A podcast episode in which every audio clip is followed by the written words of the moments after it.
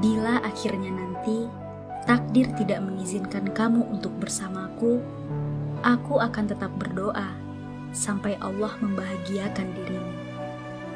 Sampai kamu menemukan seseorang yang jauh lebih baik dari diriku. Dan ketika kamu sudah benar-benar bahagia, sudah menemukan pengganti dari diriku. Izinkanlah aku memohon satu hal padamu.